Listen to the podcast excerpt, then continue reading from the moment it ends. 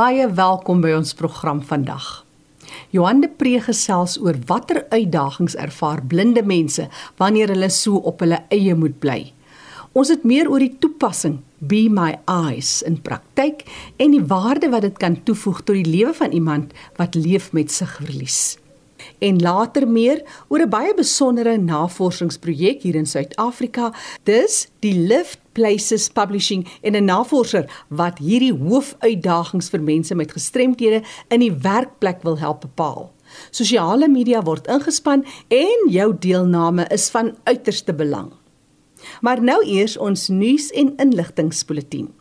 Up with Downs se gewilde fietstoer se inskrywings is oop. Daar's plek vir net 50 ryers. So, belangstellendes sal moet wikkel.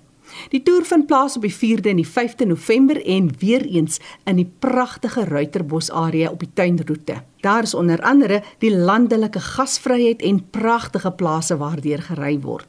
Kontak hulle per e-pos upwithdowns@mweb.co.za. Jy kan ook 'n WhatsApp stuur na 072 563 1983 072 563 1983 Huis Horison se jaarlikse kermis vind plaas op die 4de November en dit is van 9:00 die oggend tot so 1:00 die middag by Huis Horison. Dit is onder die Papagaaiberg in Stellenbosch. Die tradisionele kermis bied kos en stalletjies met goedere uit Huis Horison se werkkamers, onder andere koekies, beskuit, houtwerk, plante en allerlei handgemaakte items, tweedehandse boeke en vele meer. Daar's ook 'n padwedloop die oggend 3 km, 5 km of 10 km en 'n potjie kos kompetisie. Ondersteun hulle gerus. Vir navraag skakel 021 887 5080 of stuur jou e-pos na bemarking@huishorison.org.za. Onthou vir terugvoer of navraag, kan jy ook met my kontak maak. Jy dalk ook nuus uit jou geweste. Jackie@rsg.co.za. En nou sluit ons aan by kollega Fanie De Tooy vir die volgende bydrae. Baie dankie Jackie. Ek gesels nou met Johan De Pre en hy is van Pretoria en hy's 'n blinde persoon. En hy is reeds 40 jaar betrokke in die regsprofessie. En as 'n mens so lank in die wêreld van blindes verkeer, dan het 'n mens seker baie geleer in die jare.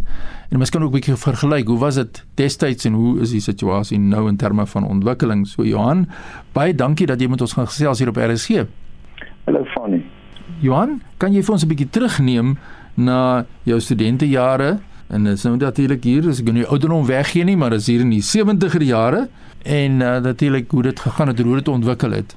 Nou Fanny toe ek destyds op universiteit was ons geweldig aangewese op die destydse kasetopnemers. Natuurlik is dit ook so dat dat die kasetopnemer eintlik in daardie dae ons almal se lewens redelik verryk het want ons het ook almal uh die apparaat gebruik uh vir die luister van musiek sover as wat dit ons aangegaan het, het ons destyds die opnemer klas toegeneem want dit was baie klein apparaat. En dan jy die die lesing opgeneem en dan jy dit huis toe geneem en met redelike moeite opgesom. En dit is hoe ons gewerk het. En dit het natuurlik ook baie gehelp aan tiende kollegas en medestudente het geweldig baie materiaal vir ons opgeneem op die destydse kaset en ek onthou baie goed toe die rekenaar nou begin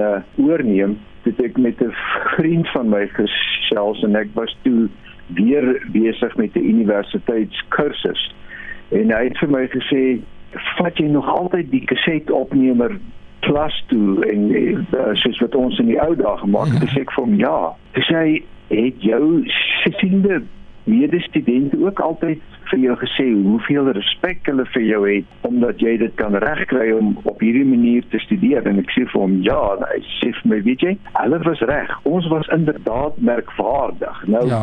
Ek het agterna ook gedink hy hy was dalk reg natuurlik het dit nou geweldig verander en ek is nie seker hoe die studente vandag werk nie maar daar's allerlei ander opnemers en jy rekenaars so jy weet al wat ek uh, weet vir jou kan sê is die 'n manier van werk het geweldig verander. Ja, soos wat die jare ontwikkel, ons gesels ook gereeld oor tegnologie, maar dit is lekker om te kyk oor wat het destyds gebeur.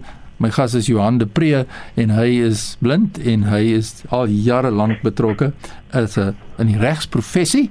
Johan, maar daar's ook iets wat met jou gebeur het. Ek dink was op skool, op hoërskool en jy het ook 'n protese, nê? Dat is nie net jou sig wat ook aangeraak is. Vertel ons 'n bietjie meer daaroor. Ja, ek was uh, terwyl ek op hoërskool was, was ek in 'n ongeluk en ek het my regterbeen verloor onderkant die knie. Wat natuurlik nou 'n uh, bykomende faktor is waarmee mense moet rekening hou. Nou in my geval moet ek sê dit was nie so 'n inbreuk op my lewe nie want ek is nie 'n vreeslike sportmens nie. Ek is nie 'n man wat die Comrades hardloop en ja. werk het en, en so nie. Maar uh dit het maar 'n uitwerking. Maar ek het dit ook nou al, al omtrent vir 40 jaar en ek het nou al soos die jare aangegaan het, het ek verskeie kunsledemate gehad en ook daar is dit verstommend hoe die tegnologie verander het. Ek het uh, die afgelope week weer 'n nuwe kunsbeen in gebruik geneem en dis ongelooflik met die vervaardiging van hierdie items uh hoe die tegnologie ook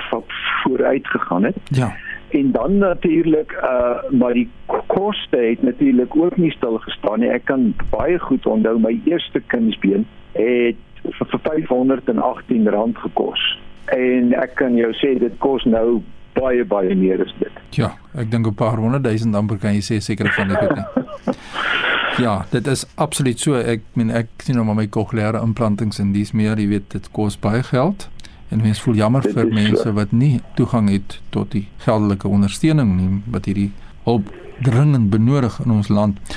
Maar kom ons praat 'n bietjie oor onafhanklikheid want dit is wat as mense aan iemand wat blind is dink dan praat 'n mens outomaties van die afhanklikheid of die onafhanklikheid maar in jou geval is ek reg dat jy 30 jaar was jou moeder saam met jou in die huishouding en verlede jaar is sy oorlede nou my vraag is hoe het jy die aanpassing dan oorleef en daarmee saamgekom en waar jy nou vir vandag is? Uh, vir Fanny dit was inderdaad vir my 'n geweldige aanpassing uh want soos jy sê ek en my ma was 30 jaar saam en ek is nie 'n huishoudelike mens nie. Ek ek uh, weet op al op die oomblik steeds ek weet baie min van kos maak af en ek het dit reeds aan almal bekend gemaak wat wil weet dit gaan nie verander nie so ek skil nie aardappels nie en ek ja. doen nie daai soort van goed nie. en ek het dit nooit geleer doen nie, maar toe my ma nou verlede jaar oorlede is, was dit uh was dit vir my 'n bietjie onverwags en uh die aanpassing was onmiddellik. Maar uh ek moet jou sê ek is nogal self verbaas met hoe ek dit hanteer. Ja. Ek moet vir jou sê ek ken uh, baie blinde huis vrouens en ander mense wat hulle huise met 'n uh, geweldige sukses bestuur. Nou nou ek het nooit aansoek gedoen vir hierdie bestuurspos nie, maar ek is 'n man wat delegeer. Ja. En ek het 'n geweldige loyale en 'n geweldige bekwame huishoudster wat eintlik al die werk by my oorgeneem het of as ek moet eintlik dit meer korrek vir jou stel so sy het al die werk by my ma oorgeneem. Ja. want sy het regtig net aangegaan waar waar my ma opgehou en dan wat ook baie help is ek is tans woonagtig in 'n aftree oord. So hier is vir fasiliteite wat mense ook geweldig help. Jy kan uh, middagete hier eet. En uh, jy weet en dan jy weet anders sins is daar nou daarom die goeie wat ek daarom nou ook ook ja. neem. Maar eintlik moet ek jou sê dit werk ongelooflik. Johan, daar is natuurlik ook 'n ding soos uh be my eyes. As jy nou alleen is, en vertel ons 'n bietjie meer daaroor. Uh Fafani, ja, uh ons het die fasiliteit van Be My Eyes wat uh tot ons beskikking is. Be, Be My Eyes is 'n internasionale instansie uh met 'n uh, ongelooflike klomp vrywilligers oor die die hele wêreld. En hoe dit werk is jy jy blaai die toepassing of die app af op jou foon en dit stel jou dan in staat om te enige tyd van die dag een van hierdie vrywilligers te skakel. En afhangende van die tyd van die dag as jy dalk in die aand 11uur iets moet kry in jou huis wat jy nie dadelik jou hand op kan lê nie, dan kan jy iemand bel. Ek het al uitgekom by vrywilligers in Amerika en Engeland en hulle is dan met jou in verbinding by wyse van 'n video oproep. En hulle kan enige ding vir jou doen. Hulle kan vir jou sê wat is die kleur van jou hemp, hulle kan vir jou sê waar is jou tandeborsel wat jy laat val het. En dit is vir my in ieder geval 'n geweldige handige fasiliteit wat ek amper elke dag gebruik. Uh baie dankie vir die geleentheid Fani. As enige van die luisteraars my wil kontak, dan kan hulle my kontak by selfoonnommer 082 785 3885. Ek is ook beskikbaar per e-pos Johan met 1 n @jdplegal.co.za. Uh, dit is die kontak besonderhede van Johan de Pre, persoon wat blind is en ons het so lekker gesels oor sy uitdagings en die wonder van tegnologie. Indien jy epos aan my wil stuur fani.dt by mweb.co.za. Groetens uit Kaapstad. Baie dankie Fani vir jou bydrae vandag en nou meer oor die opname wat ek vroeër van vertel het om mense wat leef met gestremthede in die arbeidsmark te vestig of is dit die afwesigheid en die ontoeganklikheid in die arbeidsmark? Ons hoor van die navorsingsprojek. Baie dankie vir die geleentheid om vandag te praat oor my projek. Um, ek is Leandre en ek is 'n navorser by die London School of Hygiene and Tropical Medicine. Ek spesialiseer meestal in werksuitdagings en toegang tot gesondheidsdienste vir mense met gestremdhede. As enige iemand wil deelneem aan ons navorsing of my net wil kontak, kan hulle so maak by 079 771109. Lived Places Publishing. Wat doen julle presies? Hoe gaan julle te werk? Die Lived Places Publishing is 'n akademiese uitgewersmaatskappy meestal vir universiteite en soos die naam sê, hulle fokus op die interseksionaliteit tussen identiteit en fisiese plekke. In die geval van hierdie projek, mense met gestremdhede in Suid-Afrika. So ons het 'n vraelys wat aanlyn is, natuurlik toeganklik vir almal wat ons uitstuur na organisasies, werksplekke, skole, universiteite en op sosiale media waar ons mense met gestremdhede uitnooi om ons te vertel hoekom hulle spesifiek voel hulle sukkel om werk te kry. Ons probeer hierdie te bepaal waar die hoofuitdagings en probleme lê. Soos jy seker weet, Suid-Afrika het uitstekende wetgewing wat diskriminasie verbied en ook punte gee vir maatskappye wat mense met gestremdhede in diens neem. Ons het ook die learnership stelsel, maar tog sien ons nie dinge verbeter soos mense sou verwag met hierdie wetgewing en programme in plek nie. Daarom vir ons mense 'n reeks van vrae wat strek reg oor hulle hele lewe van jongs af in skool tot waar hulle aansoek doen vir werk om te probeer bepaal waar kan ons verbeter en wat kan verander om mense te help. En dan Leandri, die waardevolle inligting en data wat jy so graag bymekaar wil maak. Hoe gaan julle te werk met die in daarvan? Waar wil julle dit doen en met wie almal gaan julle hierdie onderhoude doen? My hoop vir hierdie projek is meer um bewusmaking vir albei besighede dat hulle meer moeite sal doen om mense met gestremdhede in diens te neem. Baie besighede sê vir my dat maar hulle kry nie aansoeke van mense met gestremdhede met die nodige ervaring nie. En dit bevestig net weer my punt dat die ervaring sal nie daar wees as iemand hulle nooit 'n kans gee nie. So ek probeer baie hard hierdie projek en ook die vandag met jou te praat dat mense met besighede meer aandag sal gee aan hierdie baie groot leemte. Leandre, wat is van die inligting wat deurkom, die houding van die mense wat jy sover ondervra het? Miskien is daar 'n paar interessante tendense en patrone wat jy kon bespeur. Sover wat ons ervaar, is dat baie mense baie skaam. Hulle wil nie met ons noodwendig praat nie en verkies die aanlyn vraelys. Sommige mense is so bang en wil net anoniem bly. Hulle sê hulle voel daagliks teen gediskrimineer en beledig. Baie mense sê hulle was nog nooit eens by 'n onderhoud gewees nie. Baie mense op die oomblik is ook so desperaat vir werk dat hulle die vraelys invul en smeek in hierdie vraelys vir hulp. Hulle stuur boodskappe met hulle CV en vra asseblief om hulle te help. En dit vir my bevestig net weer vir ons hoe belangrik hierdie navorsing is. In terme van die resultate sover, ons sien baie mense wat hoogs gekwalifiseerd is met dokters en meestersgrade maar hulle kry steeds geen werk nie, um, nie eens internskappe nie. Dan sien ons ook heelwat mense wat al 'n hele paar learnerships gedoen het.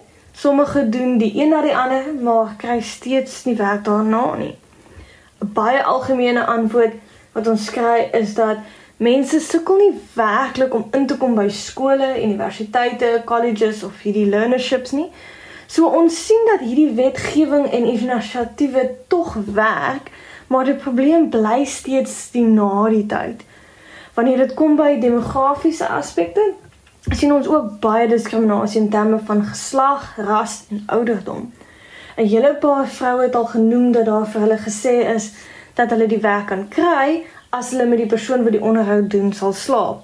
Ek het ook al ehm um, met 'n paar vroue gepraat wat sê hulle voel ehm um, hulle moes hulle learnership los want hulle was seksueel aangeval. Ons sien ook dat baie mense voel hulle ras speel 'n rol. Hulle merk op dat hulle voel die wetgewing is vir 'n swart en wit wêreld waar hulle nie werklik inpas nie. En baie wit mense weer merk op dat daar is net BE punte as jy swart en gestremd is, maar niks vir net bloot mense met gestremdhede nie. So ons sien ook 'n leemte daar. Ook in terme van ouderdom, Baie mense sukkel jare om werk te kry en by 35 kwalifiseer hulle nie meer vir baie van die inisiatiewe en programme soos byvoorbeeld die learnerships nie. Sjoe, dis omtrent 'n mondvol en interessante uitdagings wat jy in die gesig staar. Hoekom is jy betrokke? Wat dryf jou? So hoekom ek hierdie projek aanpak is soos jy seker weet, Suid-Afrika het die hoogste werkloosheidssyfer ter wêreld op die oomblik. En Ons kan ons net indink wat dit beteken vir mense met gestremdhede. Oor die algemeen voel ek daar is 'n groot leemte in hierdie navorsing. Um oor die mense met gestremdhede wanneer dit kom by werksuitdagings. Meeste navorsing en selfs alledaagse gesprekke wat ons het, gaan gewoonlik oor toegang tot onderrig of fisiese plekke en jy weet niemand se lewe stop by die ouderdom van 18 na skool nie. Wat gebeur daarna? As mense my vra hoekom ek hierdie navorsing doen, dan daag ek hulle gewoonlik uit om vir my te noem hoeveel mense hulle werklik ken met 'n gestremdheid wat tans werk. En meeste mense kan nie meer as 2 of 3 noem nie. Of hulle noem vir my die naam van 'n bekende aktivis of iemand wat hulle van gehoor het op die TV iewers na Amerika of oorsee. Um die realiteit is dat ongelooflik baie mense met gestremdhede het nie werk nie en leef in 'n geïsoleerde wêreld. Daar is ook geen betroubare data of navorsing in Suid-Afrika oor hierdie getalle nie. Maar die wat werk, wat wel werk in hierdie area, sê dat ongeveer 97 na 98% van mense met gestremdhede in Suid-Afrika tans werkloos. Leandre, ons het 'n grondwet wat wêreldwyd aandag trek, maar baie moet nog gedoen word hier op eie bodem en om dinge te implementeer. Ten opsigte van persone met gestremthede, hoe vergelyk Suid-Afrika met ander lande en selfs op die Afrika kontinent wat ook bewustelik teenoor mense met uitdagings leef? Net om dit in perspektief te sit met die huis van die wêreld, soos ek genoem het, Ons het die hoogste werkloosheidssyfer ter wêreld met geen betroubare inligting oor die werkloosheidssyfer vir mense met gestremthede nie. Alhoewel as ons kyk na die res van Afrika, sien ons dat in meeste lande is hierdie werkloosheidssyfer rondom 50% met 'n paar uitsonderings van tussen 50 en 70%, maar weer eens net om te beklemtoon Betroubare inligting is nie regtig beskikbaar in meeste gedeeltes van Afrika nie. Tog sien ons dat ons vaar soms self slegter as oorlogs- en konfliksones. Byvoorbeeld in Afghanistan is die werkloosheidssyfer vir mense met gestremdhede 57%, in Benin 31%, Somalië 64%. En selfs in Jemen is dit 12%. So ons vaar redelik sleg as jy dit vergelyk met die res van die wêreld. Alle voorspoed moet julle navorsingsprojek. Ek hoop dit kan uiteindelik uitgerol word waar dit werklik saak en 'n verskil sal maak aan mense wat leef met gestremthede. Is 'n navorser van Suid-Afrika wat navorsingsprojek begin het om die uitdagings vir mense met gestremthede in die werkplek te bepaal. Sosiale media word ingespan met die invordering van die data. Op Facebook is hulle ook Survey LPP.